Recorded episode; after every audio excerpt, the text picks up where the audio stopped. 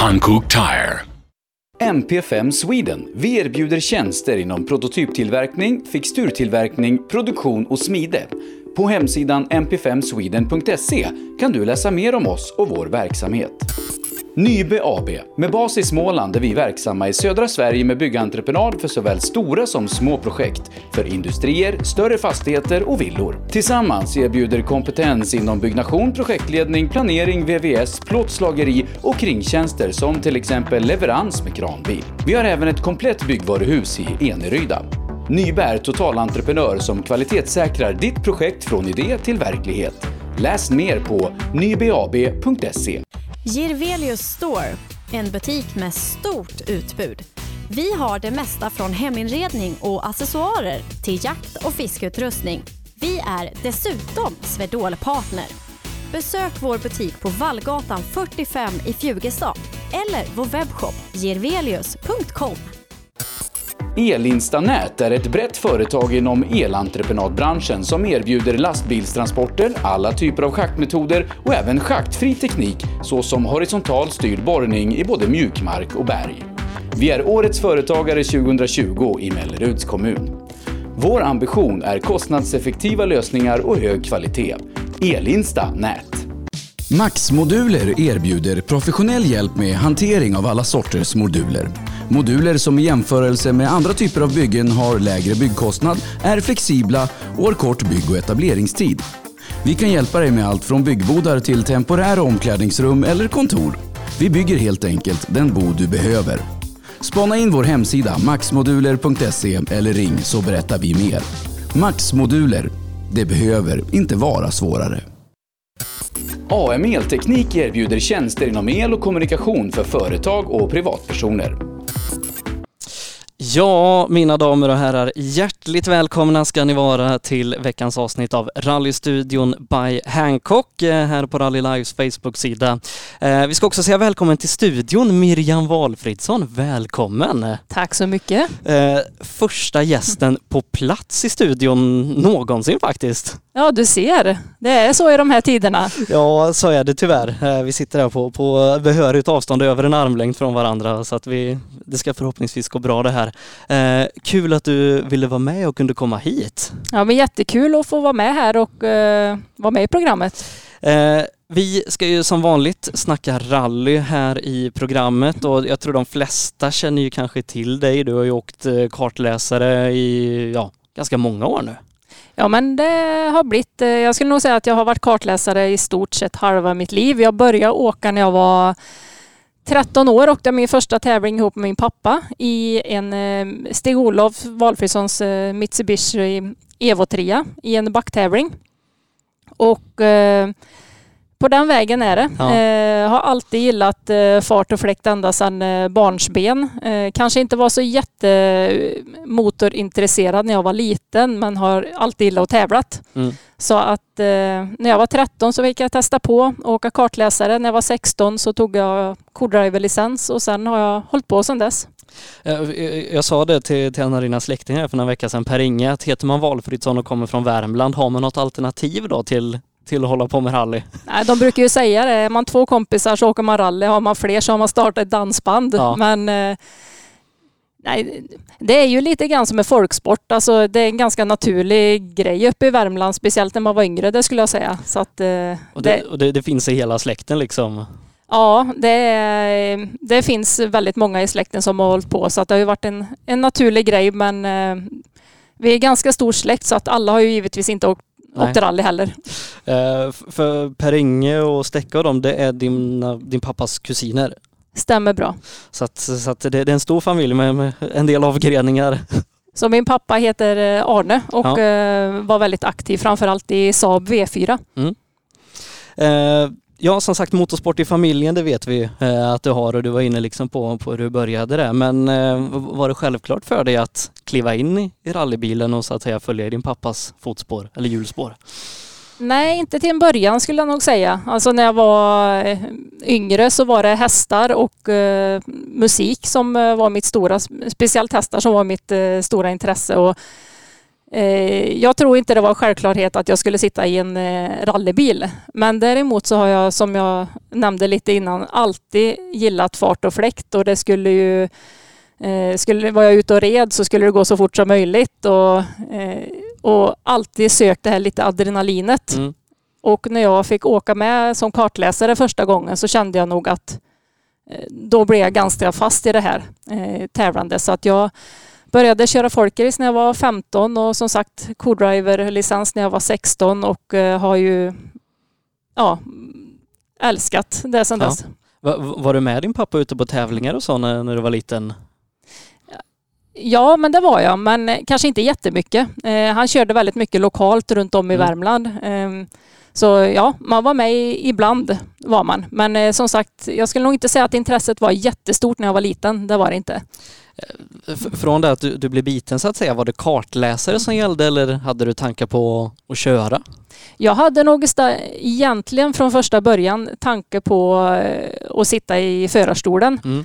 Eh, för det var väl det jag gjorde mest fram till jag eh, träffade Ramona. Och eh, så jag höll ju på både, jag körde mycket folkrace och så åkte kartläsare och, och körde någon rallytävling och så vidare. Och eh, det är väl eh, det är väl en eh, det var väl när jag träffade Ramona kan man säga som eh, jag bestämde att jag ville se hur duktig jag kunde bli som co-driver ja. och, eh, och möjligheterna man fick där. Vi, vi, vi kommer dit sen där, men, men körde du liksom rally själv? Jag eh, har ju kört Midnattsåsrallyt ja. eh, två gånger själv, 2008 och 2009. Eh, körde någon backtävling med en eh, Saab och eh, sen var det ju framförallt att man eh, körde mycket folkrace eh, och körde väldigt mycket på en egengjord, vi säger Östanbjörkes motorstadio hade vi ja. faktiskt. körde väldigt mycket på isen och ja. det var ju tävling med kompisar och grannar och familj och så vidare. Så som sagt, oavsett vad man satt i så var det alltid tävling hela tiden. Eh, var det pappa du åkte kartläsare med de första åren eller hoppar in hos andra? I början var det pappa eh, och när jag började läsa noter var det pappa. Men sen så började jag åka med lite lokala, bland annat Kalle Ward har åkt med. Mm. Eh, och sen några lokala runt om i, ja, men i bygderna hemma vid. Hur var det att börja läsa noter? Um, nu är det ju ganska länge sedan men det var bra ja. skulle jag nog säga. Jag tror jag kände att det var ganska naturligt men eh, min eh, pappa då är ju i den generationen där de har kört väldigt mycket onotat. Mm. Så att eh, vi fick väl ha en kompromiss. han, han började ju åka noter med min stora syster, ja. min äldsta stora syster som, som har kört, åkte med som kartläsare en hel del där också. Eh, och sen i efterkant, fem år senare, så kom jag in i bilden och, och jag vill gärna hänga på. Men det, det kändes, det var bra. För visst var det så att du åkte med någon som hette Robert Svensson ganska mycket de första åren? Det stämmer bra. Eh, och ni åkte 240 Volvo original? Jajamän. Eh, och vad var det för typ av tävlingar och grejer ni åkte? Det var mycket i Värmland runt om. Då fanns det ju väldigt mycket tävlingar i till exempel eh, kommunerna runt omkring. Så där höll vi oss mest då. Gick det bra? Det gick blandade resultat. Ja. Jag, jag tror att ni vann i Munkfors 2006, Sevok. Det stämmer bra. Var, var det första så att säga segern eller kanske hade vunnit något tidigare? Vi, när jag åkte med pappa i ja. Eh, backtävling, det var, då började jag med seger. Ja, och det är ju bra.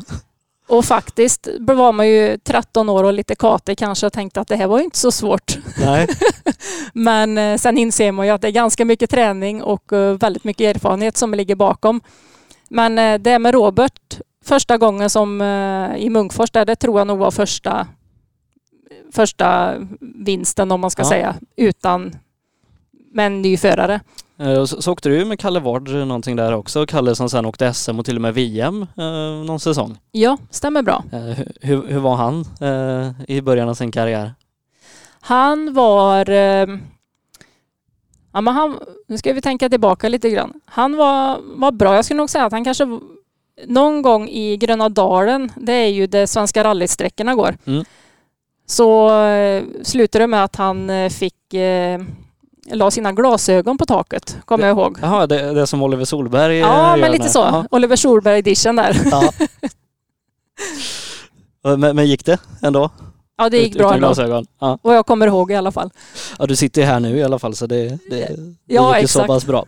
Eh, men mest Volvo original liksom i Värmland, Västsverige så de, de första åren?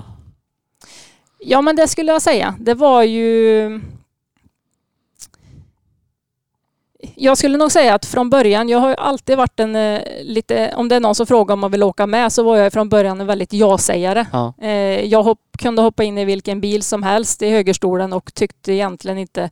Man, man tänkte att det, det är inga konstigheter utan man eh, åkte med, samlade erfarenhet och det är väl på den vägen också som jag kände att jag vill se hur duktig man kan bli. Ja, för, för liksom när kom tankarna på att försöka bli så att säga duktig inom det här? För, för man kan ju utöva en sport bara för att det är kul och ha någonting att göra men, men så kan man ju också satsa på det. Och när liksom började tankarna komma hos dig att försöka komma långt? Det skulle jag nog säga var eh, Precis som du säger att i, i början så hade man ju väldigt strävan. Man tyckte det var väldigt kul men man ville bli så duktig som möjligt. Eh, sen var det när jag träffade Ramona 2007. Ja. Eh, det började med att Anders Jonasson eh, Från Växjö? från Växjö ringde och frågade om jag ville åka med en eh, SSR i, tillsammans med honom.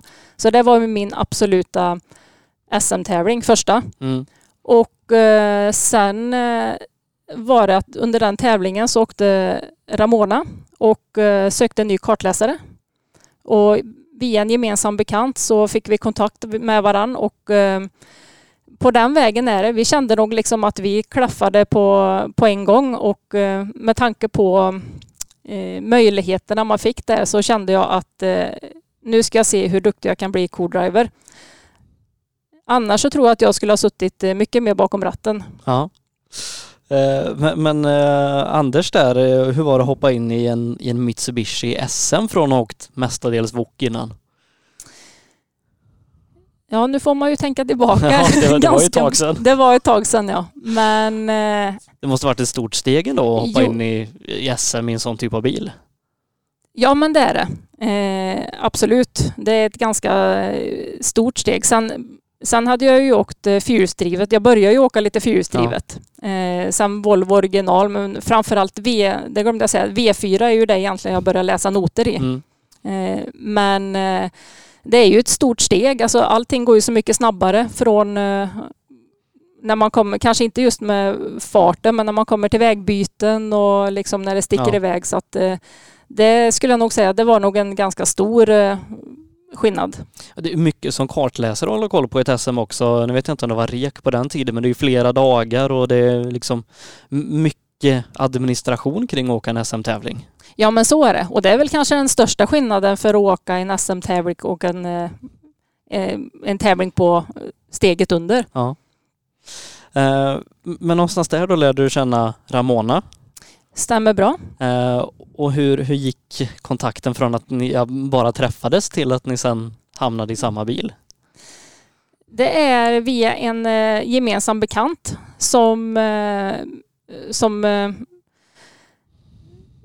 egentligen eh, kopplar ihop mig och Ramona. Ja. Och eh, sen eh, som jag sa precis innan att det är väl via där att när vi körde en testtävling så ja, men det klickade på en gång. Det var liksom lite att eh, vi, vi ska satsa ihop. Det, Ja. har, eh, det har bara gått den vägen. Eh, Hur var det för dig liksom att komma in i, ja, med Ramona i den miljön och liksom ambitionen att, att satsa och komma uppåt? För det måste ändå varit ett stort steg så att säga rallykarriärsmässigt. Ja men det var det. Det var nog lite det här man sökte efter tror jag och liksom kunna hitta någon annan som ville satsa lika mycket.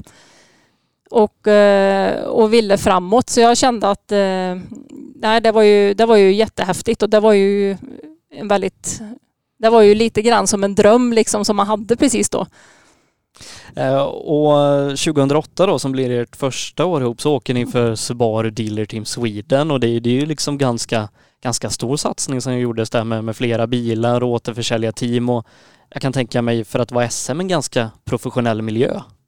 Ja men så är det ju. Eh, och 2008, det, vi hade ju inte åkt så mycket fyrhjulsdrivet egentligen det året så att alla är, det var ju en läroprocess eh, kan man säga. Ja. Eh, Från eh, 2007 åkte vi väldigt mycket föråkare och, men det var ju fantastiskt roligt att komma in eh, och liksom få åka på den, eh, på den nivån ihop med För du och Ramon hade åkt eh, under året innan då eh, tillsammans för att liksom komma, komma in i samarbetet. Ja, precis.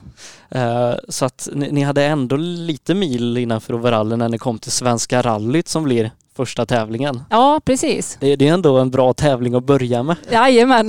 Eh, För från att då ha gjort SM-debut mindre än ett år innan så satt du helt plötsligt och gjorde VM-debut. Ja, det stämmer bra. Eh, Hur, hur var liksom det för dig personligt att, att få starta Svenska rallyt? Ja, det var ju jättehäftigt, verkligen. Och speciellt, eh, jag kommer ju en och en halv mil från Collins Crest ungefär, är jag uppvuxen. Eh, och har ju liksom sett rallybilarna eh, genom alla år komma förbi när man gick i skolan. Och, så att, eh, nej, det var, det var häftigt. Det var ju som en dröm som gick i uppfyllelse, för det har man ju alltid velat varit med och, och deltaga i. Men men det måste, om vi pratade att, att liksom steget till SM och allt omkring så VM måste varit ytterligare för dig som kartläsare en ännu större uppgift att axla. Ja, men så är det. Och det är ju precis som du säger att det är väldigt mycket administrativt. Det är mycket man ska hålla koll på. Det är regler och det är liksom tider och, och från SM till VM. Det är ju en, det är ju en helt annan eh, nivå eh, på vad man behöver ha koll på. Va- Var det en trygghet att göra det på hemmaplan, liksom bara några mil hemifrån? Ja, men det skulle jag nog säga också, för man känner ju ändå till vart sträckorna går och man känner ju till miljön runt omkring. Så är det ju. Ja, behöver inte läsa skyltar på andra språk utan man, man vet i rondellen här framme är det höger. Jajamän. Eh, Men hade ni liksom skrivit noter och kunde rekmomentet och sånt innan det? Eh, vi... Eh, Bra fråga säg. bra fråga. Jag kommer inte ihåg om jag ska vara ärlig. Nej, men för, för det måste också liksom varit ett, ett steg att ta om inte annat att, eh, att, att kliva in med, med rek och sådana grejer. Men, men det var också ett oerhört tufft Svenska rally att börja med. 2008 det var ju oerhört milt, dålig vinter och jag kan tänka mig att förutsättningarna inte var optimala lite längre ner i fältet. Ja, men så är det. Eh, nu ställer du mig på prov med minnet här. Så, Eh, eh, men eh, för, för jag antar att ni körde rallyt för att SM var en del av det men SM blev ju sen inställt så att det blev ju bara så att säga VM-delen för er. ja, precis. Det stämmer bra. Så att det var inte, SM-delen åkte ju inte det året. Gjorde inte. Men det var ju givetvis, eh, alltså vi åkte ju reken och gjorde hela reken och Ja. Ni körde ju hela rallyt. ja, ja, precis. Eh, kan tänka mig att det ändå var en liten utmaning att börja. Nytt team, ny förare, Jo, men så är det. Och- sådär. Och egentligen så hade ju, som i mitt fall, jag hade ju egentligen ingen erfarenhet på VM. Vad, vad egentligen är det man behöver ha koll på? Vad är det som... Eh, ja men allt runt omkring. Alltså se, erfarenheten jag har idag. Mm. Den, den kan man ju liksom plocka. Ja men det här behöver man ju ha Ja. koll på. Det här behöver jag ta reda på innan. Det hade man ju inte då utan då fick man ju liksom... eh, Man fick ju skapa sig. Man fick ju vara en liten tvättsvamp. Hade du någon som hjälpte dig med tips, tricks och råd? Jo, men det hade man ju i eh, teamet som vi åkte Ja. eh, med Subaru. Så att eh, det hade vi ju bra stöttepelare skulle jag säga. Svedlund, hade han Björn Nilsson med sig då kanske? Han hade Björn Nilsson. Och körde Hasse Gustafsson också? Jajamän. Och kan han haft Mikael Johansson? Nej. Bra fråga det också. det, det kanske hör till en annan intervju, men det fanns mycket rutin i alla fall som kunde hjälpa dig på, på traven. Jajamän. Eh, så att ni, ni gör Svenska rallyt, eh, 29 i mål i klassen. Ja. Eh, ändå ett stabilt, stabil debut i, i, i, i VM. Eh, och sen så blir det ett par månaders uppehåll innan ni sitter i tävlingsbilen igen och då är det South Swedish Ja. på grus Ja. eh, och få starta, starta SM eh, så att säga på riktigt. Mm. Eh, men det var ju som sagt mycket nytt för er där med, med Subaru-året och ja, hur, hur ser du tillbaka på det? För ja, en del brutna tävlingar och kanske inte riktigt de där resultaten. Nej men som d- 2008, alltså det var ju som sagt det var ju ett väldigt eh, lärorikt år. Eh, verkligen, skulle jag säga. Eh, Och det, det, det var kanske också någonstans ta avstamp för, för en fortsättning 2009. Ja, men absolut. Eh, men tyvärr blev det väl ingen fortsättning i Subaru för er? Nej, de la ju ner det inför 2009 och eh, då, då stod man ju utan någonting. Eh, och vid det tillfället inför 2009 så eh, åkte Ramona och jag några mindre tävlingar här hemma. Några tävlingar och eh, sen kände jag att jag ville utvecklas ännu mer som co-driver. Ja. Så att jag tog faktiskt kontakt med en i Norge som var, eh, var lite koordinator kan man säga. För eh, då gick ju Subaru-cupen där borta. Precis. Eh, och det var väldigt sent in på året och inför starten på säsongen så att jag tänkte att ja, det kanske var svårt att hitta någon men då var det en som heter Kenneth Jonsröd som stod utan kartläsare precis och det blev så att vi började åka tillsammans och eh, det var ett väldigt eh, lärorikt år faktiskt för att eh, då första tävlingen då hoppa in och då var det ju skriva egna noter och liksom på hans system och man skulle lära sig hur, liksom att to- tolka hans Mm. noter och det var ju väldigt lärorikt för mig skulle jag säga genom hela säsongen. Ja, för, för liksom bara de två åren där som du hade tävlat på väldigt hög nivå, du måste gjort en, en fantastisk utveckling som, som kartläsare. Ja men så är det ju. Eh, det, det var ju ett ganska stort steg man tog liksom eh, från, eh, från början och det är ju som sagt när man man kände att man ville framåt och så att nej, man samlade mycket erfarenhet. Eh, för du och Ramona åkte Mitsubishi Evo 5, några tävlingar. Ja, Eh, va- var det viktigt liksom att, att hålla igång samarbetet? ja men så är det. Eh, verkligen. Eh, vi, alltså det, var, det var ju vi som ville fortsätta. Ja, Eh, och eh, så att eh, Ramona var väl den man liksom ville satsa ihop med. Men jag vill också samla väldigt mycket erfarenhet och tyckte det var en väldigt bra möjlighet att kunna åka över till Norge och åka då ihop med Kenneth Jonseröd i Subaru-cupen. Ja. Eh, och jag tror ni tog någon pallplats i Norge, du och Kenneth. Det kan vi ha gjort. Kanske preskriberat nu men jag tror ni tog någon pallplats, Rally Sörland. Ja, det stämmer bra. Det stämmer bra. Alltid kul att samla på pokaler. Jajamän. Eh, Men, du åker ju lite i Sverige också. Tommy Westlund eh, åker du Värmland runt med. Ja, Eh, alltså Det som var Svenska rallyt i SM det året då. ja, stämmer bra. Och så åker du med Christer Sten i vinterpokalen. Ja. Hur hur var det liksom att hoppa runt mellan olika chaufförer så? Ja men det, det är ju lite det som är tjusningen också kan jag tycka. Att eh, man, eh, när man hoppar in i olika bilar, för det är ju, chaufförerna vill ju ha noterna på lite olika sätt. Och eh, man behöver ju vara lite, vad ska man säga, personkännare Mm. eller just för att... eh, Så jag är ju så att jag, när jag hoppar in i en ny, alltså en rallybil med en ny chaufför, så frågar jag ju alltid hur de vill ha noterna.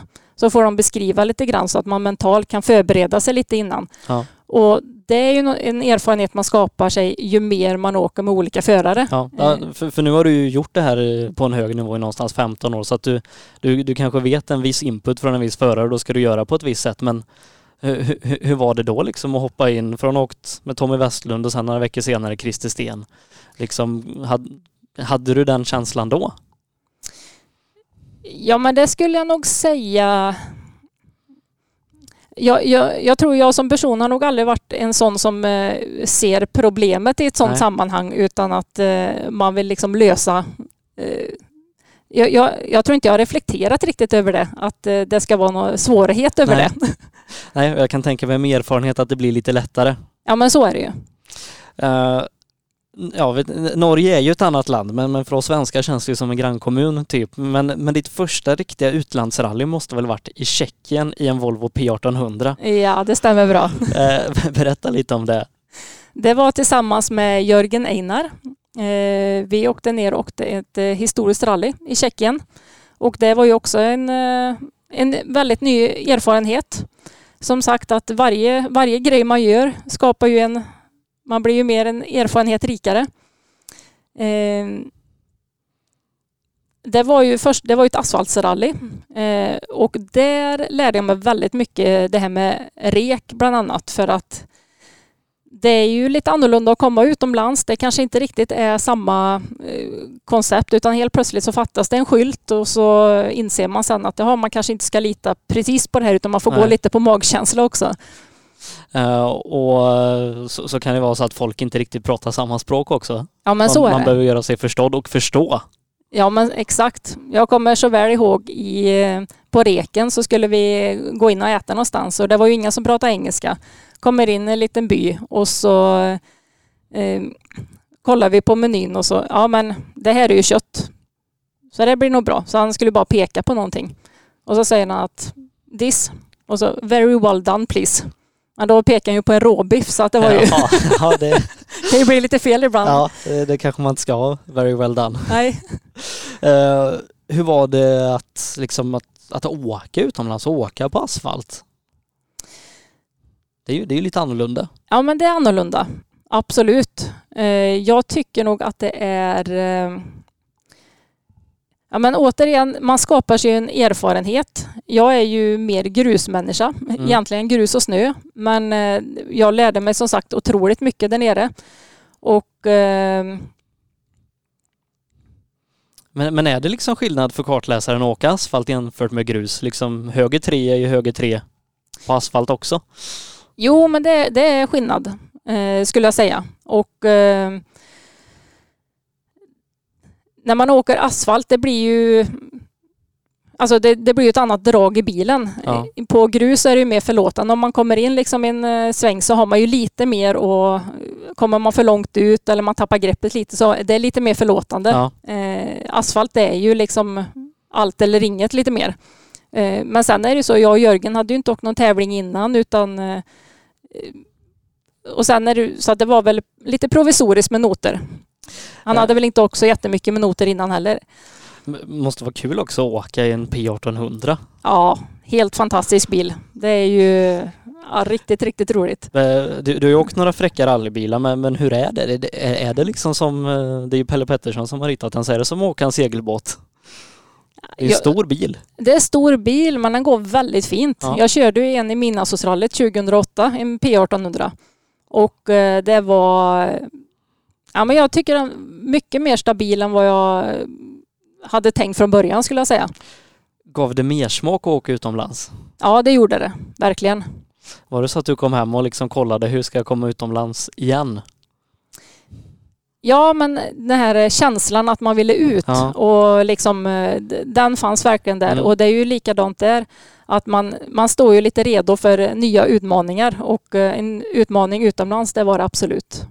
Eh, 2010 hoppar vi till då och eh, då blir det en ny satsning ihop med Ramona. Ja. Eh, och efter liksom ett år, så att säga, ni åkte ju några tävlingar ihop, men ett år isär, hur var det liksom att komma tillsammans i en, i en bra satsning igen?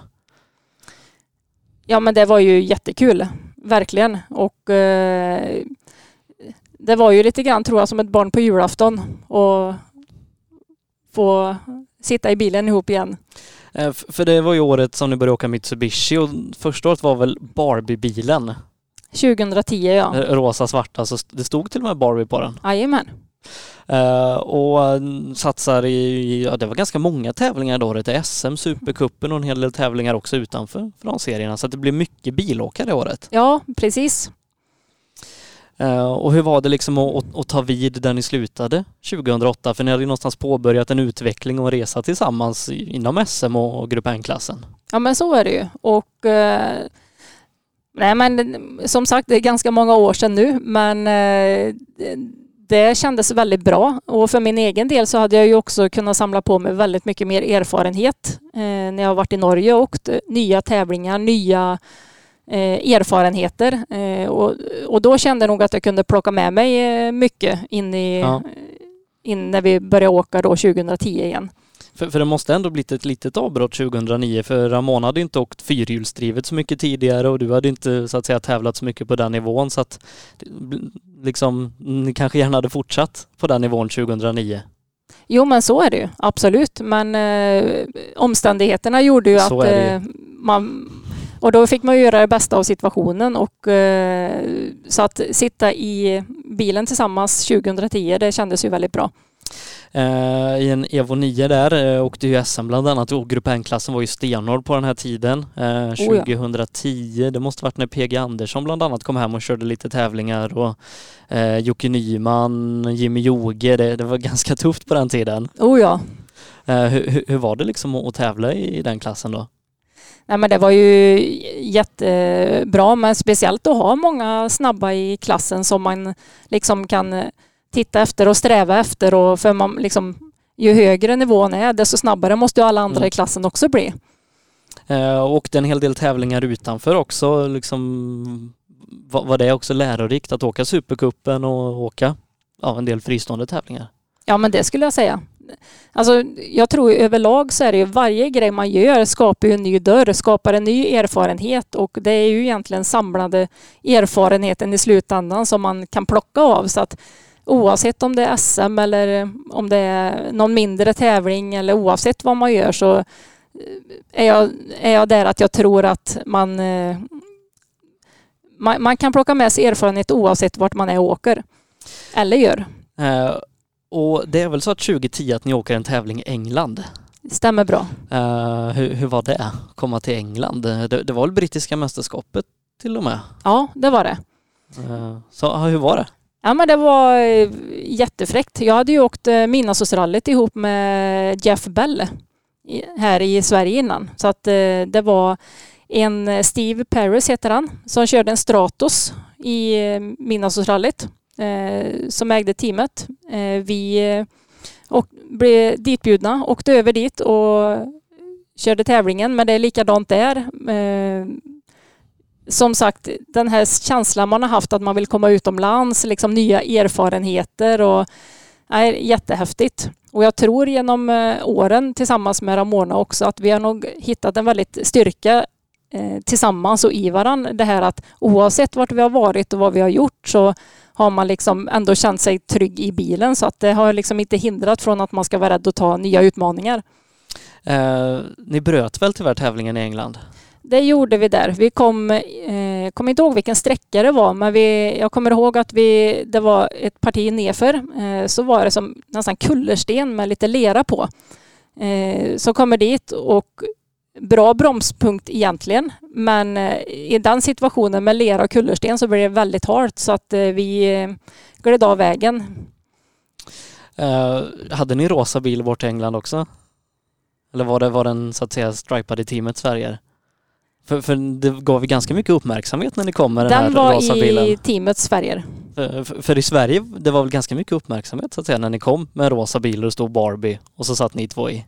Jo men så var det ju. Eh, så jag kommer ihåg på servicen och så här, det var ju väldigt många mammor och familjer som tog med sina barn liksom och, och ville ha autografer och så det, nej, det var ju häftigt. Men eh, i, i en sån situation, det är också, det är väldigt viktigt tycker jag att visa att man kan, eh, alltså visa upp resultat Mm. så att man man sitter ju inte bara där för att sitta liksom, Nej. utan det, det är ju resultaten man vill åt och visa att man kan. Och det var ju det vi kände att vi visste ju att vi kunde det.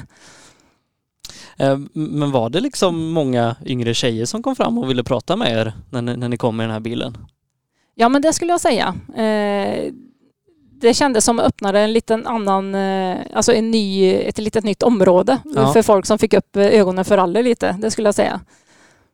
Eh, och förutom då att eh, du åkte med, med Ramona så åkte du som du sa med, med Geoff Bell där i Midnattssolsrallyt eh, från Sydafrika, är han va? Ja, stämmer han, bra. han, han, åker, han åker mer än gärna i Midnattssolsrallyt. Ja. Eh, till dags dato även. Eh, hur var det att åka med honom? Det var en eskort ni åkte? Det, Ford va? Escort, ja. ja. Hur, hur var det? Ja, men det var eh, återigen en väldigt bra erfarenhet. Ja. Eh, jättekul. Eh, den var ju högerstyrd. Jaha, så, så eh, han, fick sköta tidkort och sånt där eller? Ja, precis. och eh, så kommer jag ihåg, det var väl året efter, men det har ju varit engelska noter också körde han på. Och Mm. där är det ju helt tvärtom. Där en etta är ju snabbast och en sexa är skarpast. Okej. Eh, men jag kommer i, ja, nej det var helt fantastiskt roligt var det. Och det var väldigt ofta när vi kom in till, sträck, till slutsträckan där och så skulle ju radion komma. Till exempel du då. Ja, inte på den tiden för, för då var jag typ så här 12 år. Men, eh, och då kommer de in med mikrofonen och frågar hur det gick. Då var jag så här, yes but you can ask my driver. Så satt han ju alltid på högersidan. Ja. Men eh, det var en erfarenhet också att kunna eh, sitta i... Det är ju som jag hörde Maria Andersson sa på en intervju att det, alltså kanten kommer ju väldigt nära helt plötsligt Mm. när man är van att sitta på andra sidan. Eh, men- just engelska noter liksom, för, för svenskan ligger ju ganska nära till hands och jag kan tänka mig norskan inte några större problem. Men att göra det på engelska när det går fort på sträckorna i momentet och utan att tänka för mycket. Ja men så är det ju. Eh, så att eh, jag tror att eh, alltså innan tävlingen så får man ju sitta och memorera lite för sig själv och, och jag kommer så väl ihåg att jag får inte, alltså det här att man tänker att en etta är skarpast till exempel. Mm. Och det sitter ju så i ryggraden så att det, jag gick tillbaka faktiskt lite grann på eh, från början när man sitter med överstrykningspenna och för att ha riktigt koll liksom. Här kommer den skarpa kurvan så man inte skulle tänka fel en gång. Ja. eh, är det inte så att du åker en tävling med Pontus Tideman också? Det stämmer bra. Eh, det, det var ju någonstans innan Pontus slog igenom på riktigt allvar. Eh, han åkte i Norge i, i den här Subaru-cupen va? Ja, det var en tävling som hette Sulle Rally Derby tror jag. Eh, hur, eh, hur kommer det sig att du hamnade med Pontus? Han åkte ju Subaru-cupen också, gjorde han. Och eh, det blir ju så, alltså via kontakter och man eh, hade kontakt med dem och, och prata med liksom på tävlingar och så att jag fick eh, frågan om jag ville åka med och det tackar jag givetvis ja till. Eh, och, och efter det har ju Pontus vunnit ett par VM-guld och sådär i olika klasser. Var, var han snabb även på den tiden? Det var han. Märks det liksom när du hoppar in hos någon ny, eh, liksom om, om det är någonting extra bakom ratten? Ja, men det tycker jag. Det känner man ganska fort om de har eh, om de har det kan man säga. Ja. Det tycker jag man, eh, man känner av och hur de tänker. Alltså när man hoppar in hos en ny förare så är det det jag brukar kolla lite efter det är, alltså för det första, har de, har de koll på det de gör? Ja. Eh, när man kör rekognosering till exempel, är det någonting jag, eh, om jag är lite osäker på eller någonting, eh, så kan jag ifrågasätta. Och jag är nöjd med vilket svar det är, bara man kan svara för sig att man vill ha det så där. Ja. Kan man inte det, då får vi diskutera vidare. Ja, nej, men jag kan tänka mig att eh, för, för ni, ni båda vill ju givetvis prestera och det måste göras som ett teamwork i en rallybil och då gäller det att vara på, på samma sida. Ja, men så är det. Eh, 2011 så, så fortsätter du ju och Ramona och, och satsa i, i Mitsubishi och ni inleder i, i Evo 9 Ja. eh, och senare under året så blir det Evo 10, ja, väl samma bil som Rickard Göransson kör under vintern. stämmer bra. Eh, och det går väl ganska bra den vintern. Jag tror ni är topp fem i Östersund och sådär så att Jajamän. började väl hitta ganska bra fart i, i Mitsubishin. Ja, det skulle jag absolut säga. Och eh, vi åkte ju uppe i eh, utanför Åre gick det en tävling, Mm. kom, kommer jag ihåg. Eh, Och åkte Så- på sjön där ute. Åkte på sjön där, ja. jajamän. Och det var ju en fantastiskt fin tävling. De hade byggt upp, eh, det var väl tre hopp efter varandra precis i slutmålet där. Så där kommer jag ihåg att vi gjorde rejäla flygningar. Det var väl vissa bilar som nästan hoppade sönder på den tävlingen tror jag. Ja, jag tror vi var en av dem. Eh, Men, eh, hur, är det liksom? För det är ett par år där som ni, ni kämpat ihop och liksom utvecklats tillsammans och sen så börjar jag se att resultaten verkligen börjar komma i den här klassen. Ja. Hur, hur var det liksom att få ett kvitto på att det ni gör är rätt? Ja, men det, då är man ju där liksom. Det, det är ju dit man vill komma, att man har en hög, hög lägstanivå. Och eh, det är ju som sagt att alla måste ju gå den hårda vägen för att liksom komma dit. Det finns inga genvägar. Helt enkelt. Och det är självklart jättegött när man väl kommer dit och får den, eh, det kvittot. Eh, Evo 9 var ju en väldigt framgångsrik bil, en bra kompromiss liksom mellan vikt, väghållning, effekt och så. Hur, hur var det sen att gå till, till tian? Större, tyngre och så vidare? Jo, jag tror kanske som förare att man känner större skillnad på det. Eh, jag, jag känner som kartläsare eller som co-driver, men för min läsning så är det väl ingen eh, jättestor skillnad. Nej. Eh, som sagt fortsätter säsongen eh, i den och eh, någonstans där så ha- hade ni börjat prata mer om att liksom åka utomlands. Ja, men det gjorde vi. Eh, 2011 så åkte vi en, några tävlingar utomlands, bland annat Polen och Tyskland också. Mm.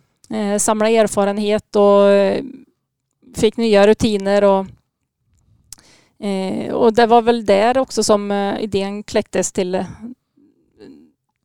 till en mer ut, utlandssatsning. Ja. Eh, för, för, för, ni åker ju polska rallyt och sen eh, Lausitz i, i Tyskland. Där. Hade ni redan bestämt innan det att det var en satsning mot VM som gällde eller var det bara att prova på utomlands? För, sådana satsningar tänker man ju ofta ut långt innan allmänheten får reda på dem. Ja men så är det, absolut. Det, exakt datum kommer man Nej. inte ihåg när, eh, när det kommer men absolut en, en sån satsning är ju någonting man tänker långt innan. Ja. Det är det ju.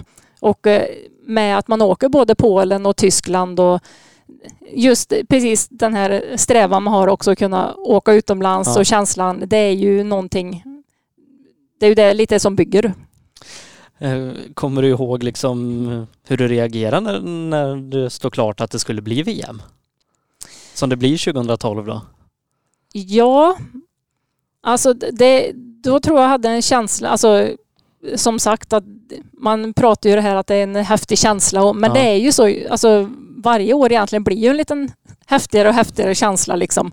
Men eh, också då har man ju egentligen ingen erfarenhet att plocka av så att det var ju väldigt mycket eh, väldigt mycket nytt. Så då tog jag faktiskt eh, hjälp eh, ifrån Emil Axelsson som hade mycket erfarenhet utomlands. Eh, så inför första tävlingen i Mexiko då 2012 så, så satte vi oss och gick igenom och han visade liksom hur han gjorde ett ordentligt rekschema till exempel. Liksom vad, vad det är man ska tänka på och eh, små detaljer som mm. är väldigt lätt att missa annars. Eh, för Ramona jobbar ju oerhört mycket med, med, partners och grejer för att få till de här satsningarna. Ja, verkligen. Eh, liksom, eh, hur, hur, mycket fick, fick du reda på hur det gick med att få ihop VM-satsningen? Jo, men vi hade ju väldigt bra kontakt. Ja. Eh, som sagt, Ramona jobbar ju stenhårt och man eh, och jag var med och stötte in kan man säga. Eh, men vi, nej men jag skulle säga att vi hade, vi hade väldigt bra kontakt liksom för att veta vart, vart statusen låg. Eh, var det lite som ett barn på julafton när det liksom nästan var klart? Ja men så var det ju. Det går inte att säga något annat. Var, var det svårt att inte gå runt och berätta för alla att jag ska åka rally-VM? Ja, och hålla tyst om det. är klart ja. att det är lite.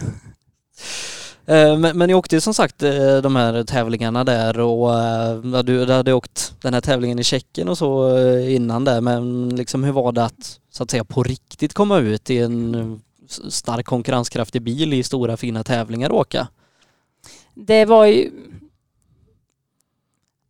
Ja, jag säger ordet häftigt ja, igen, ja. absolut. Eh, nu, alltså, från att man har byggt liksom att det har blivit större och större tävlingar och man har fått mer erfarenhet, liksom, lite utlandskörningar och så var det ju helt plötsligt att nu skulle man ju utanför Europa åka. Eh, och det är ju helt annat, alltså annan kultur, annat språk. Bilen skulle liksom skeppas där och bara att man såg liksom att bilen är framme, containern är framme.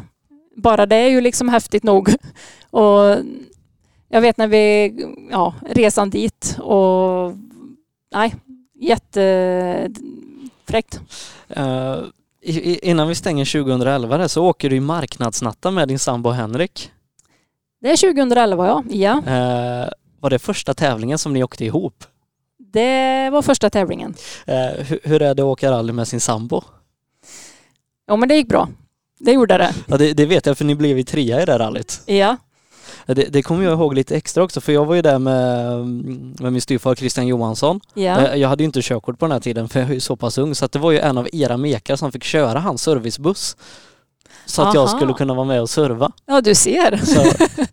Man kopplar ihop där. Ja, så att så var det. Eh, men, men ni har åkt någon mer tävling ihop va?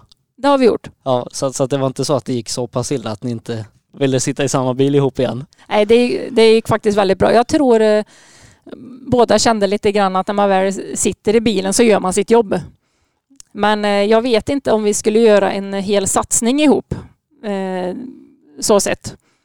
Han har väl sagt att han inte gärna vill åka med mig i högerstolen för att eh, han tycker om mig lite för mycket och det är väl bra i och för sig. Ja, ja. men han tycker inte om Bosse bland annat. Nej, förmodligen inte. Eh, men som sagt, 2012 satsning i PVRC som det heter då, Grupp N-VM. Ja. Eh, börjar i Mexiko eh, och jag kan tänka mig att det är ganska stor skillnad på, på Sunne och Mexiko. Det är ganska stor skillnad. Eh, verkligen. Hur, hur var det liksom att bara komma till Mexiko som land? Ja, det var... Ja, men det, det är svårt att greppa egentligen, skulle jag säga. Jag hade, man hade ju liksom aldrig varit på den kontinenten heller. Eh, och bara resan dit så blev min overall stulen. Eh, Okej. Så jag fick ta reservoverallen när jag kom fram. Men ni hade flera overaller med er Ja, jag hade en reserv i bagagen. Eh, på rallybilen? Eller? Nej, eller i, jag tror det var i mitt bagage, Ja, ja. men det, vi körde, vi hade dem i- med i handbagage, Ja. eh, utrustningen för att vi inte skulle bli av med det. Ah, Okej, ja, det gick inte så bra då. Eh, så var det en av våra mekaniker som ställde ner min eh, väska, för man fick ju inte ha för mycket handbagage. Nej. Och så var det förmodligen någon som bara har plockat den och så var den borta. Så det var väl någon, någon som ville springa runt i en liten overall där. Ja. Eh, och liksom, eh, nu hade du ju gjort någon VM-tävling innan det här men, Mm. men kanske inte superfärsk så i minnet. Hur var det liksom att, att göra en VM-tävling och framförallt i ett annat land med, med rek och allt omkring? Ja, det var ju, jag vet att man satt och gjorde väldigt noga förberedelser, gick in på Google liksom för att titta på hur servicen såg ut, hur man tog sig från hotellet till servicen och eh, Nej men det, det, var när jag kom dit, förberedelserna hade man gjort väldigt noga och, och det lönar sig för när man kom dit kände man sig ganska trygg i det. Men det är ju som sagt ett helt annat land, det är en helt annan kultur. Man skulle upp i bergen och åka och det var liksom genom små byar och, och det är ju egentligen ett vägnät som man inte känner igen eh, i Sverige eller i liksom Skandinavien. Det vägnätet känner man ju igen och har liksom koll på men det här var ju helt annat när man åker en berghäll liksom på insidan och så ett stup på andra sidan. Det är ju, bara det var ju liksom något nytt. Hur ska man tänka här? Hur eh, ska vi... Man får ju liksom inte missa Nej. någonting där uppe. Eh, hade ni testat och så innan liksom körmässigt eller eh, var det liksom bara jobb mot tävlingen? Vi, eh, när vi kom till Mexiko så hade de ju det offentliga testet. Ja. Eh, Så där fick vi åka en del, gjorde vi. För hur är vägarna att åka rally på det? För i Sverige har vi bland de bästa rallyvägarna i världen. Även när, när liksom kabelvägen är uppkörd så kan jag tänka mig att den är mycket bättre än en sträcka i Mexiko. Ja, det är ju det är lite blandade vägar där, men det är ju framförallt eh, eh, man startar ju ganska platt, men då gick ju tävlingen väldigt mycket uppe bland bergen. Eh, uppemot 2500 meters höjd. Och då hade vi ju bland annat våran eh, motormappare Asko Kosonen med oss som eh, var med och justerade bilarna så att eftersom luftflödet är ju väldigt olika där uppe.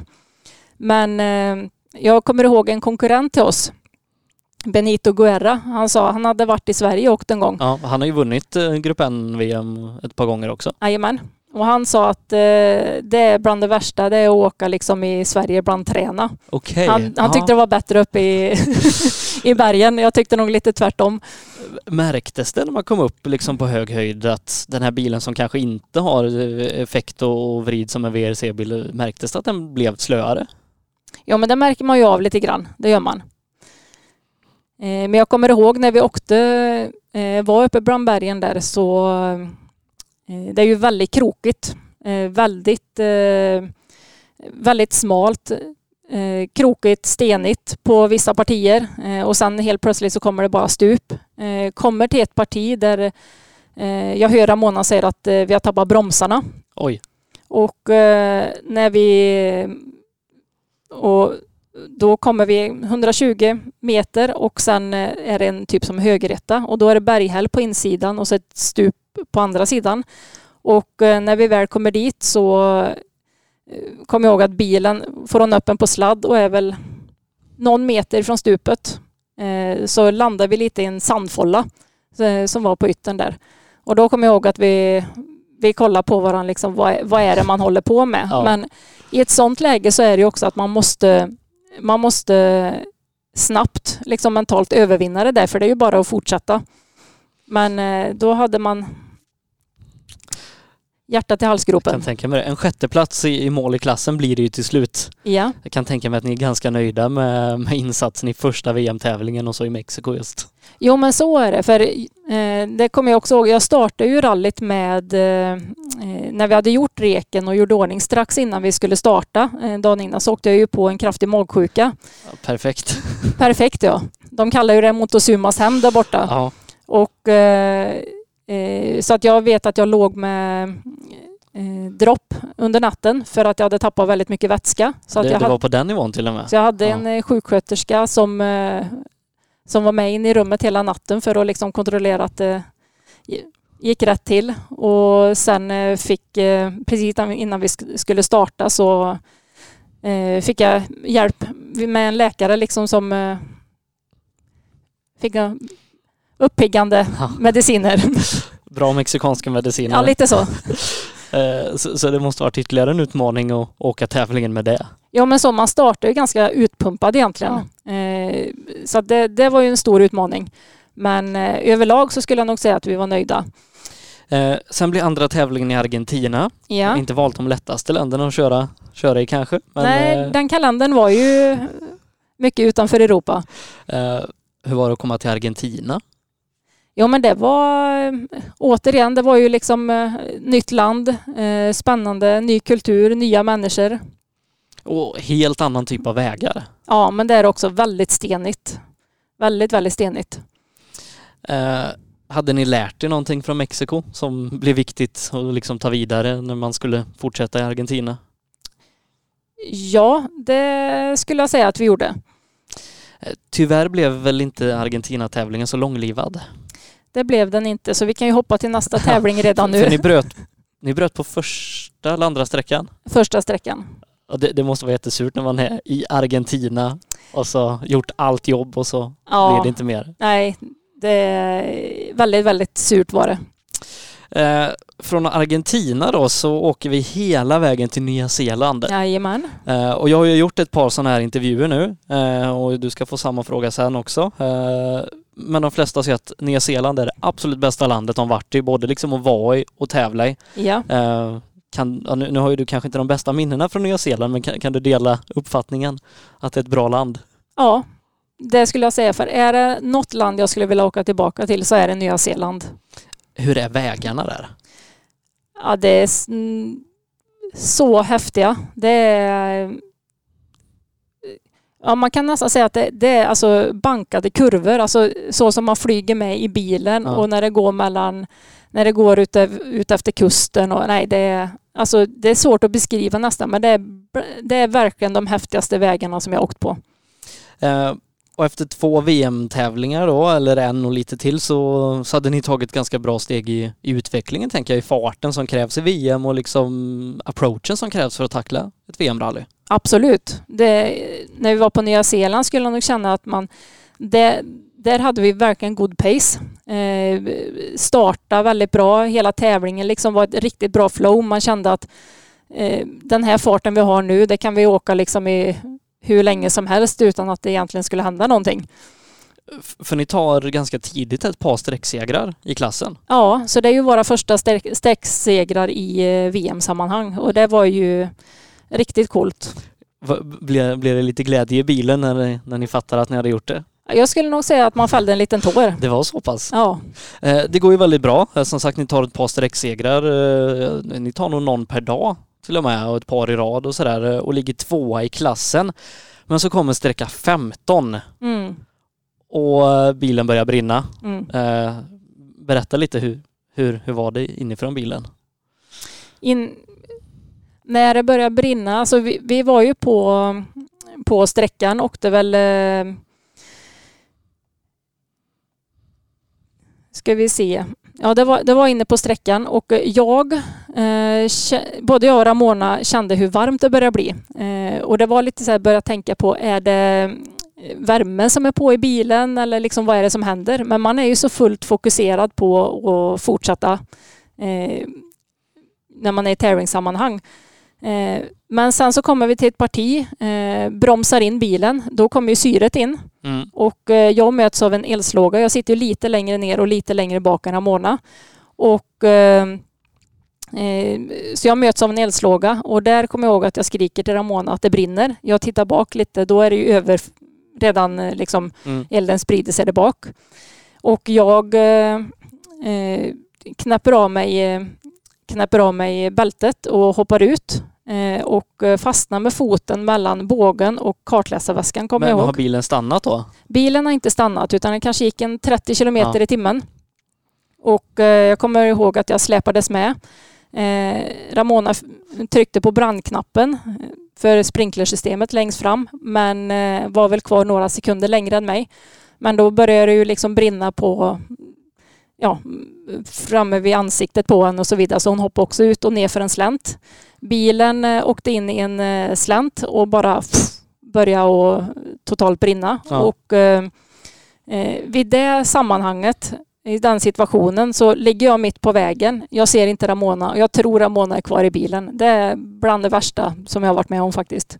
Kan tänka mig att sekunderna går extra långsamt där då innan ni får kontakt. Ja, verkligen. Men efter några sekunder så ser jag att hon kommer upp ur slänten där och eh, ja, det var...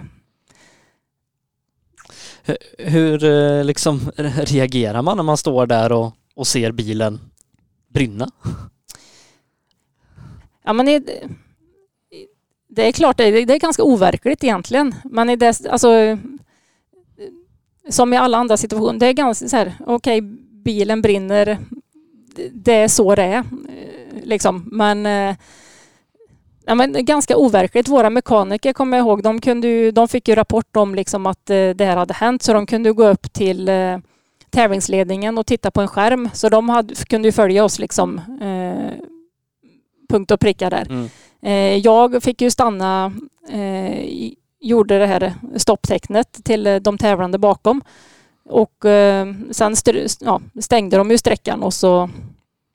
Men precis då vid bilen där så kom jag ihåg att det var ett hus som eh, var precis ovanför det. Så var det en äldre herre som satt och tittade så att han, eh, att inte han fick hjärtattack det var... Ja, det, det kanske inte är det man tänker sig när man sitter på, på sin uteplats och ser en, en Mitsubishi komma i full eld. Nej, precis. Så nej, det är riktigt, riktigt tråkigt. Det hade kunnat bli ett väldigt bra resultat där eh, annars. Jag och Ramona fick ju åka till eh, ambulanshelikopter till eh, sjukhuset för att kolla oss. Ja. Eh, men det såg ju såg bra ut. Men då Ja. var det en ny resa som fick starta därifrån sen. För ni klarade det bra. Ja, men det gjorde vi. De ville kolla så att det såg bra ut för man hade ju andats en del eh, rök och Hinner man bli rädd i en sån situation när bilen går fort och det brinner eller eh, liksom eh, är man så rationell att man kan liksom agera? Jag skulle nog säga att eh, alltså man är ganska kylig egentligen. Eh, det är ju när jag tittar nu i efterhand som man tänker så här att det, här, alltså det kunde ju ha gått väldigt illa. Ja. Men eh, i det sammanhanget så eh, är man ganska kylig faktiskt. Det, det skulle jag säga.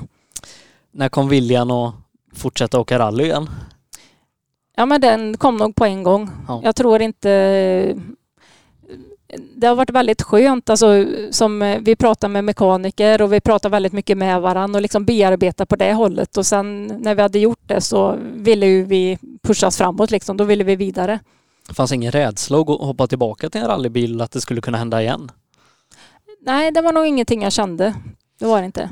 För det blir ju en ny bil eh, och kommer till start i VM-tävlingen i Tyskland. Och det är väl redan på shakedown där som, som bilen börjar brinna igen. Eh, ja, det stämmer. Eh, och, och då strax, strax innan då varit med om den här stora branden och så, så började så att säga brinna vid, vid, vid den nya bilen. Ja, vad, vad, vad tänker man då? Ja. vad tänker man? nu var det lite gräs som hade börjat bränna. Ja, det var ju inte värre än så eh, Nej. den här gången. Men, jag vet det finns bilder när, när ni hoppar ur bilen och det ryker ganska kraftigt. Ja, jo men självklart så ligger det kvar lite från, eh, från branden på Nya Zeeland för den var ju det är klart att det hade- satt sig lite grann men det var ingen rädsla av det, det skulle jag inte säga. Eh, kanske mer någon slags uppgivenhet att inte igen. Ja, lite så.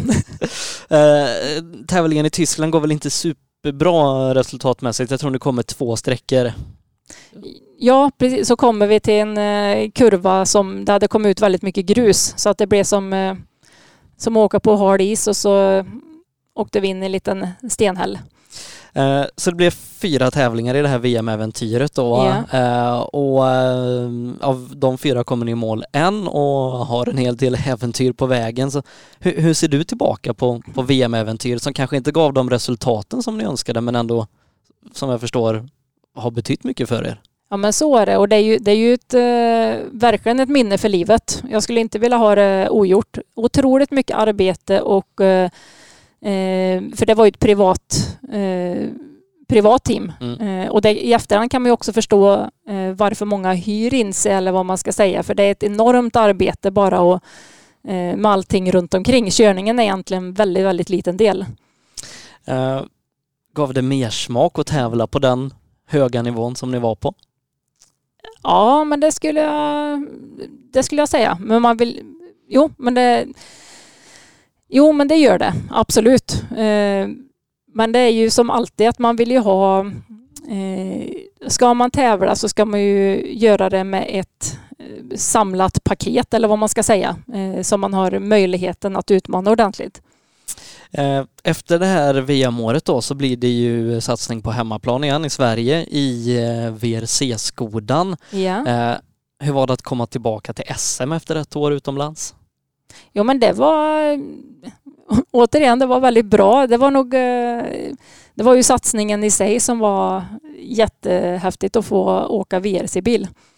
Eh, För liksom, eh, jag kan tänka mig att efter att ha åkt VM och ska komma hem och göra någonting, då vill man ju göra det på hyfsad nivå då kanske VRC var ett väldigt bra alternativ till, till en VM-säsong till. Ja men så var det ju. Det var ju ytterligare ett steg uppåt ifrån Grupp N-bilarna.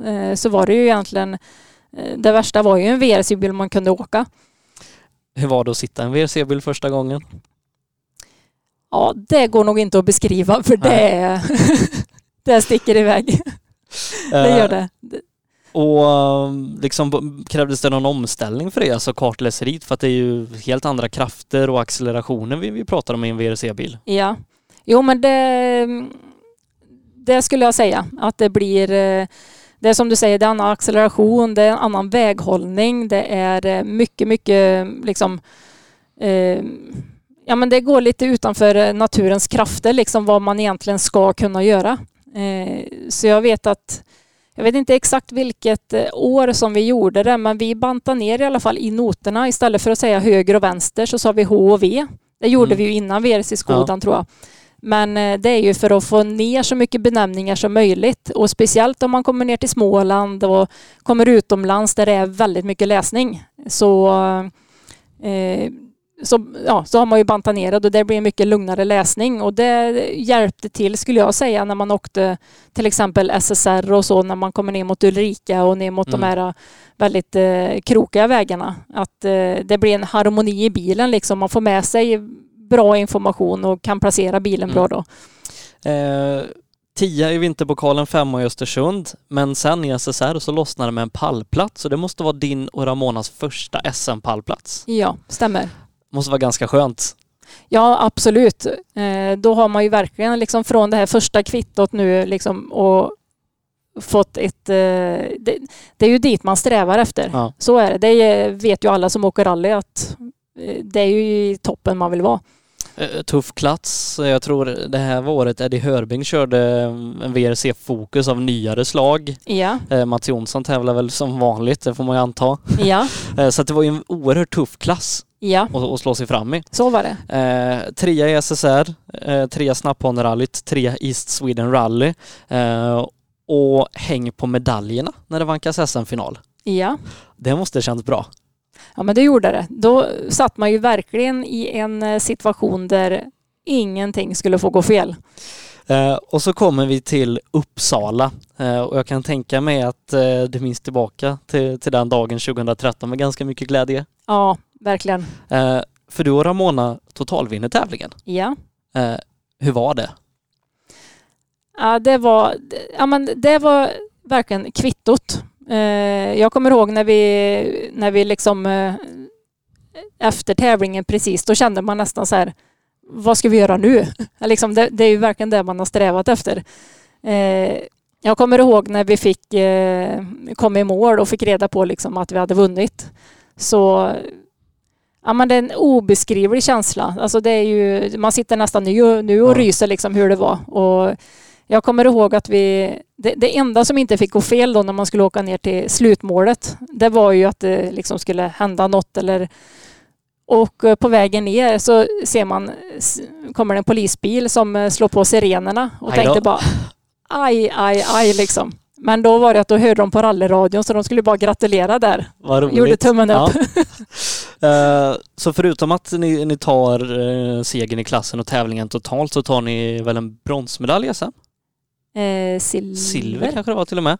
Eh, och blir dessutom då historiska som första kvinnliga ekipage och har vunnit en SM-tävling totalt. Ja, Så måste varit mycket, mycket känslor.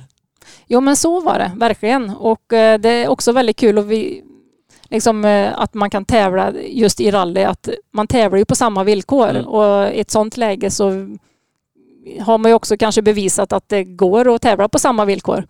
Ja, för det är inte bara en SM-seger utan ni är ju historiska som de första att ha uppnått det här också. Ja, och det är ju ingenting som eh, man kan sudda ur historieboken heller så att det, nej, det, det, jag ser bara tillbaka med positivitet. Eh, men där och då, du och Ramona måste ha varit väldigt sammansvetsade och ha en otrolig fart och timing i bilen. Ja, men så är det. Eh, och eh, jag menar, vi har ju umgåtts mycket, mycket mer än vad vi gjorde med våra sambos vid det här tillfället. Eh, så tyvärr fortsätter inte satsningen med Ramona utan hon går ju till rallycross Ja. 2014 och eh, efter ganska många intensiva år med Ramona så vad, vad, vad hände för dig då?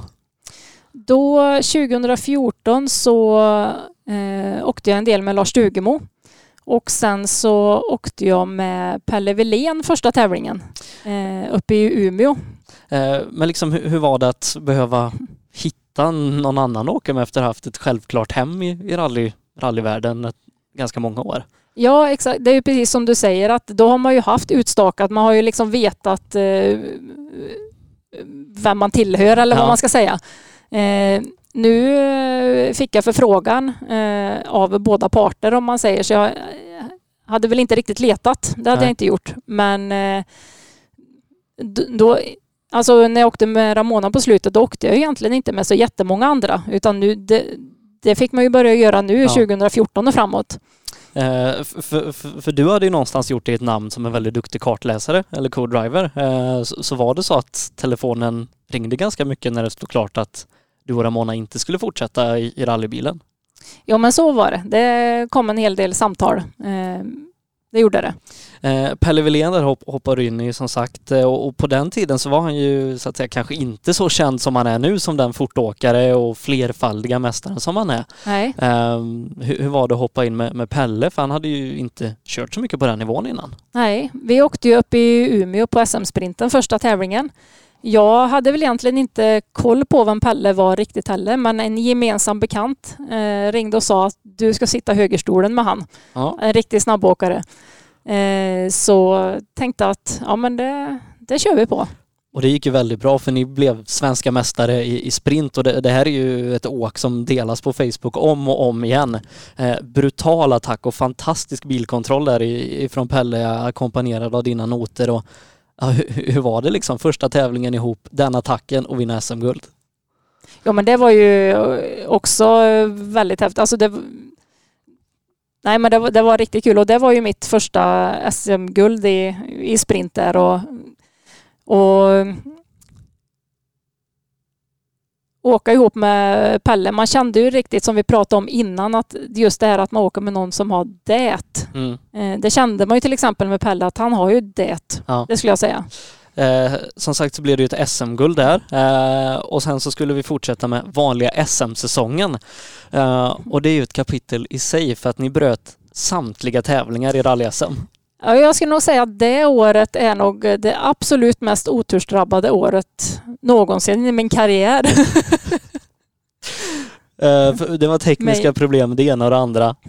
ja, tekniska problem och det var... Och vi låg väldigt bra till på liksom, de flesta gångerna när det väl hände men det var... Nej, det, det var ett... Det ville sig inte riktigt det året, så kan man säga. Jag började också åka med Lars Stugemo, gemensam vän till oss, eh, Ja. som, som alltid gör seriösa satsningar, bra bilar, fina tävlingar. Eh, hur var det liksom att, att kliva in med Lasse? Ja men det var ju också jätteroligt och ny erfarenhet och liksom eh, eh, framförallt han åkte ju första gången jag åkte med då åkte han ju Ford R5. Mm.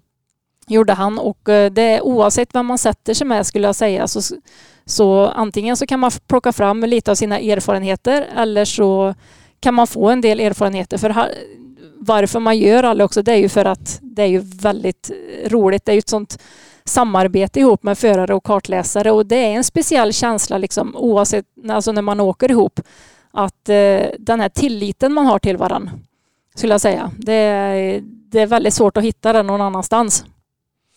Eh, så att ni åker ju ett par tävlingar där. Eh, du och Robin Sandberg inledde väl också en satsning i USA? Ja, exakt. Det var en... Eh, de skulle...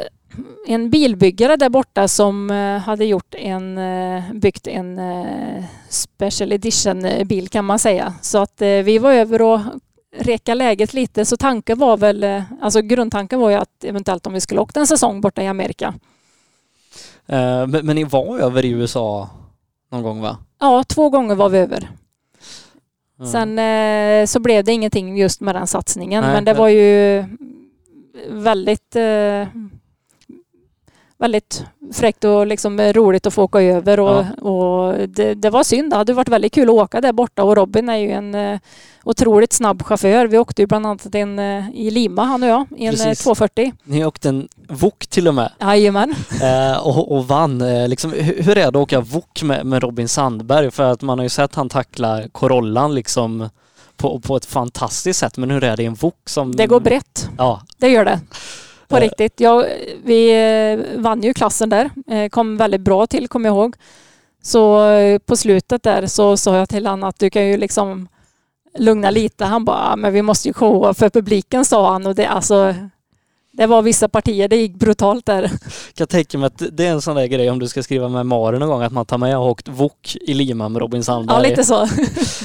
åker en hel del med, med Lasse Stugemo och ni åker ju bland annat IRC i Estland. Ja. Eh, hur var det liksom att komma utomlands i en storfin tävling efter ett par år sedan du åkte VM då?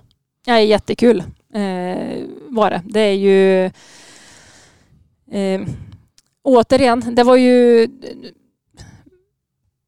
Ja, men en, väldigt, en väldigt rolig känsla att, att få åka och speciellt med Lars. Det är ju en eh, fantastisk eh, både person och liksom förare och har liksom bra team runt omkring sig. Så att det, det är väldigt kul, eh, väldigt kul och erfarenhet.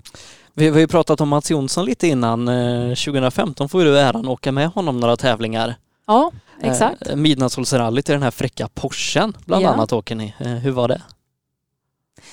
Jag, jag känner jag återupprepar väldigt ja. kul men det är ju så liksom ja. varje ny erfarenhet man eh, och varje ny grej man gör är ju liksom man hoppar ju på en sån sak för att det är väldigt roligt. Man har ju liksom den här glimten i ögat. Man vill, man vill liksom dit. Men åka Porsche med Mats och Mats som liksom har så många SM-guld och sån stor historik bakom sig inom rallyt så tycker jag nog att det var en ära att få åka med han.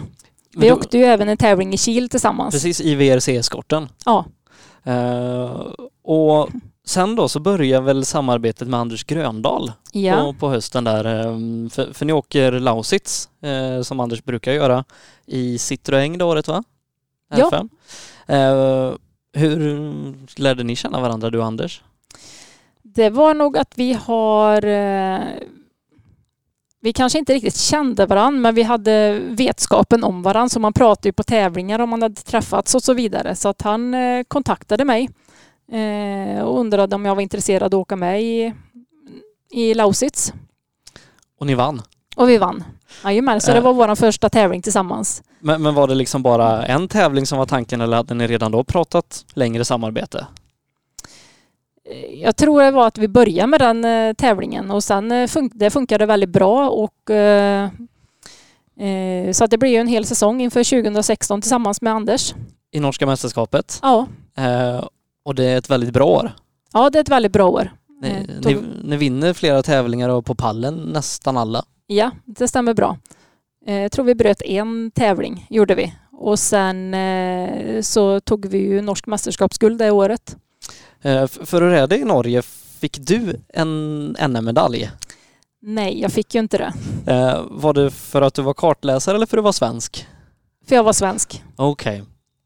Så att det, det var ju faktiskt lite surt. Det, är ju- det, är ju, det är ju det minnet man strävar lite efter sådär. Men eh, man har ju minnet eh, givetvis klart Ja.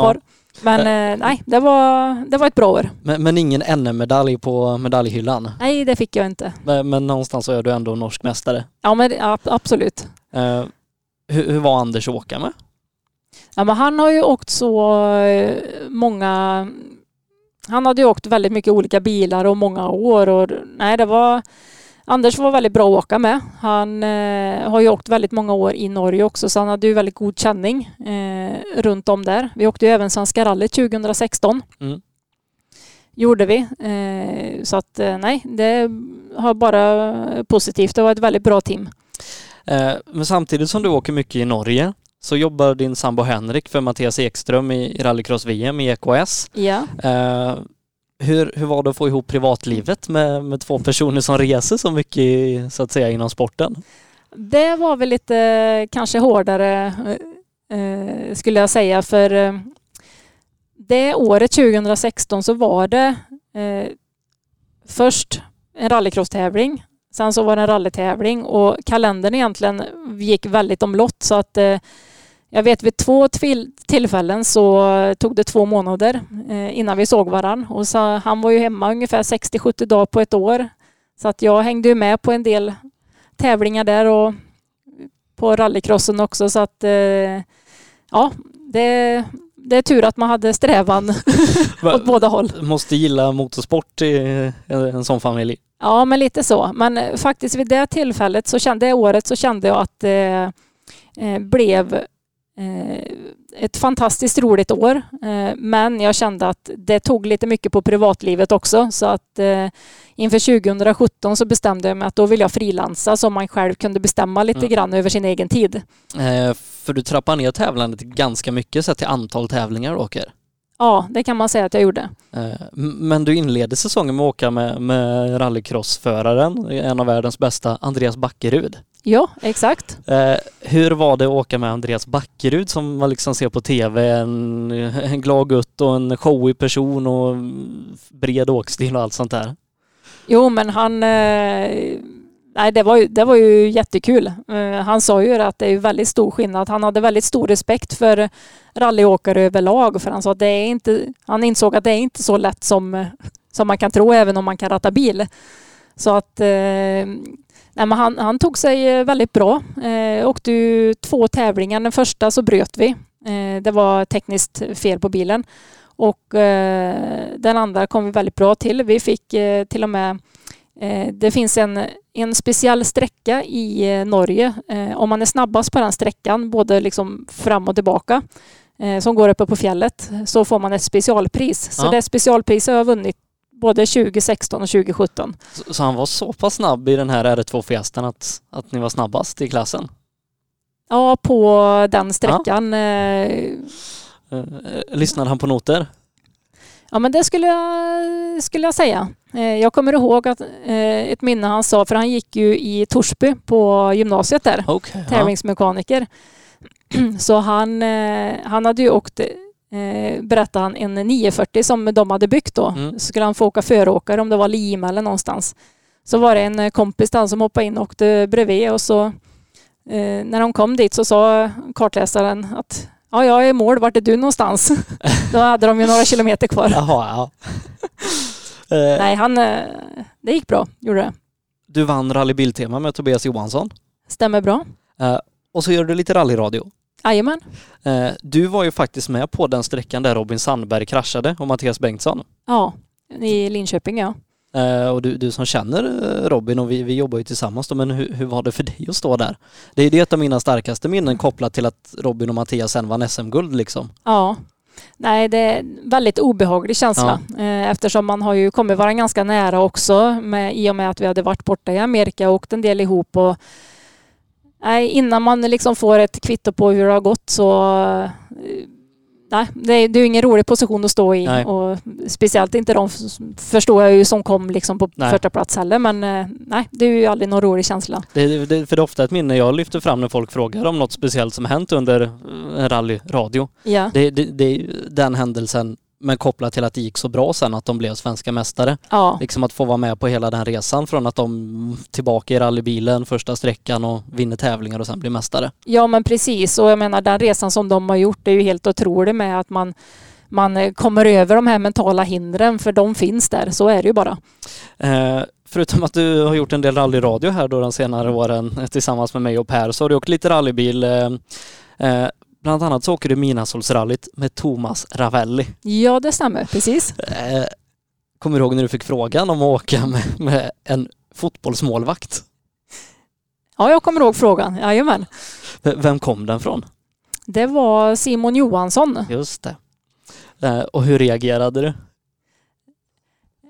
Ja, hur reagerar jag? Eh, som med det mesta andra så är, tror jag att jag svarar ja på en gång. Ja.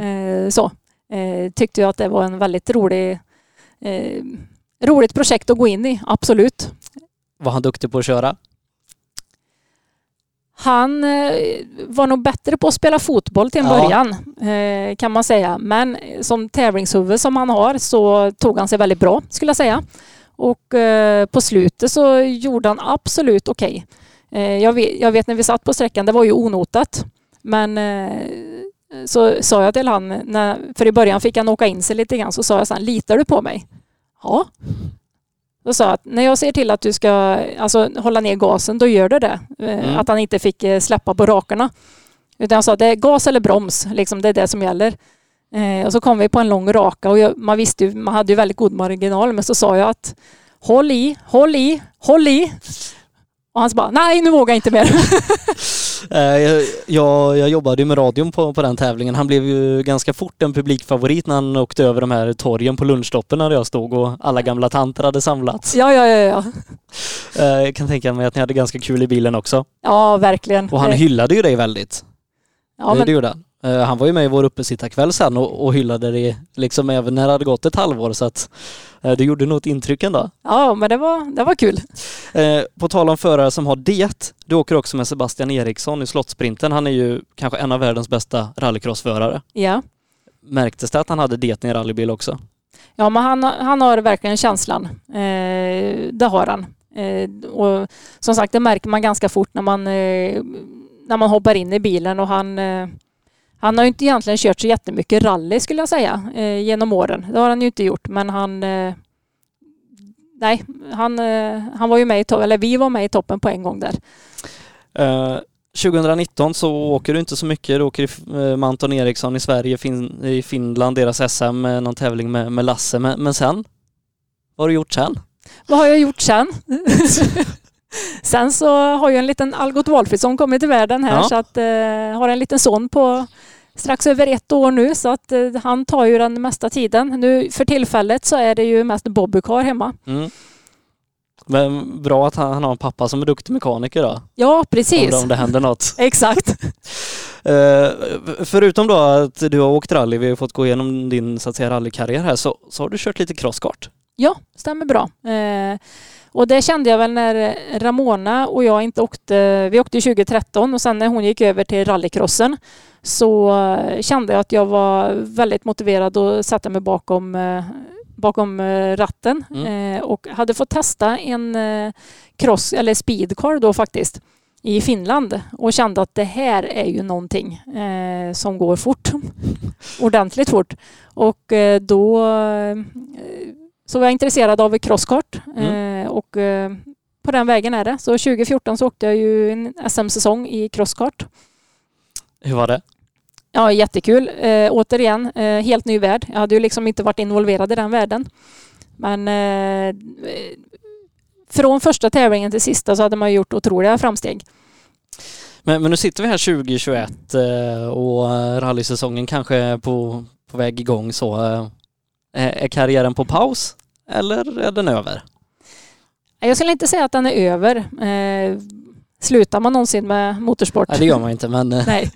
Eh, nej, för tillfället nu så det, har jag ingenting planerat utan eh, nu, som sagt, det har gått eh, två år till Algot och eh, får vi se. Jag är absolut inte främmande om det kommer upp något roligt projekt och så vidare framöver. Nu är det lite stilt ihop med pandemin vi har också så att vi får se helt enkelt. Just nu så är hjälmen på hyllan.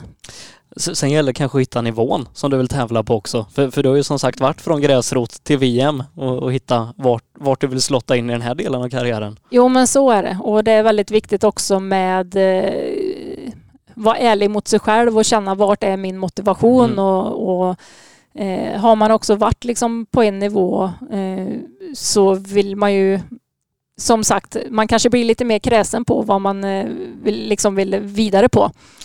Sen kanske Algot ska börja köra gokart snart. Ja, det är precis. Får vänta något år till. Ja. Eh, jag har tre frågor som jag ställer till alla. Yeah. Vilken prestation är du stoltast över i din karriär? Jag skulle nog säga en väldigt stark, det är ju när vi vinner Rally Uppsala.